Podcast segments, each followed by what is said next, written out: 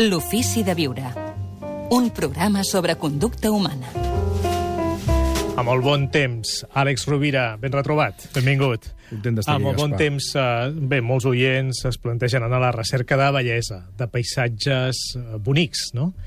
Però diu l'Àlex Rovira, molt bé, però hem de tenir en compte que la bellesa l'hem de dur amb nosaltres, no? Cert. Perquè si no, no la veurem. Correcte.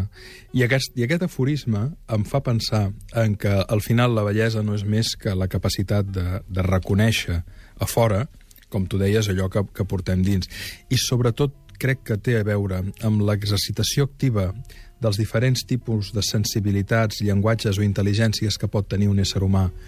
És a dir, nosaltres podem admirar-nos davant la capacitat de, de l'oratòria o de l'escriptura d'algú en la mesura que som capaços de parlar i d'escriure o ens podem admirar davant les habilitats, posem-ho, gimnàstiques o esportives d'algú, quan tenim nosaltres una certa, una mínima encara que sigui, capacitat de donar-nos de l'esforç, del treball, de les, uh, dels valors que requereix allò. Si nosaltres no som capaços de treballar-nos, i dèiem les múltiples intel·ligències, amb l'actitud, és a dir, amb tot allò que té a veure amb la intel·ligència emocional i social, amb el rigor del pensament, amb la intel·ligència lògica i racional, amb la amb l'exercici pràctic, amb la conversió de les idees en accions, és a dir, amb la intel·ligència pràctica, amb la intel·ligència espiritual, tot allò que té a veure amb la generositat, no podrem reconèixer en els altres la grandesa. Per això deia Baltasar Gracián, aquell aforisme que tant ens agrada, qui critica es confessa. En realitat, nosaltres no veiem el món, ens veiem a nosaltres projectats en el món. I en la mesura que som capaços de desenvolupar una certa mirada apreciativa, en la mesura que som capaços de reconèixer, de tornar a conèixer allò que ens envolta, ens adonem que moltes vegades la bellesa ens, eh, ens toca infinitament més sovint i amb molta més profunditat del que cabria esperar.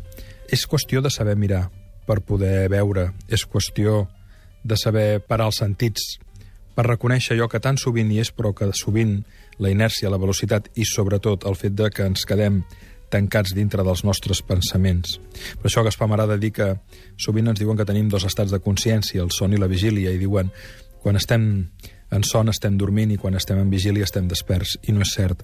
Jo crec que el gran repte és viure desperts desperts, i això passa per una atenció central conscient, això passa per una actitud positiva, això passa per una voluntat d'aprenentatge, això passa sobretot per una humilitat, i això passa també essencialment per la voluntat de servir, de ser útil i de donar-te al món. No estic eh, defensant la ingenuïtat, tot el contrari, estic defensant el rigor del pensar, del sentir, de l'actuar, que ens faria reconèixer que estem molt més envoltats de coses boniques que de misèria. Àlex, si et sembla, la setmana que ve, diumenge que ve, en continuem parlant, podem desenvolupar com podria ser aquesta mirada apreciativa Perfecte. i com podem viure desperts. Gràcies, Àlex. Una abraçada.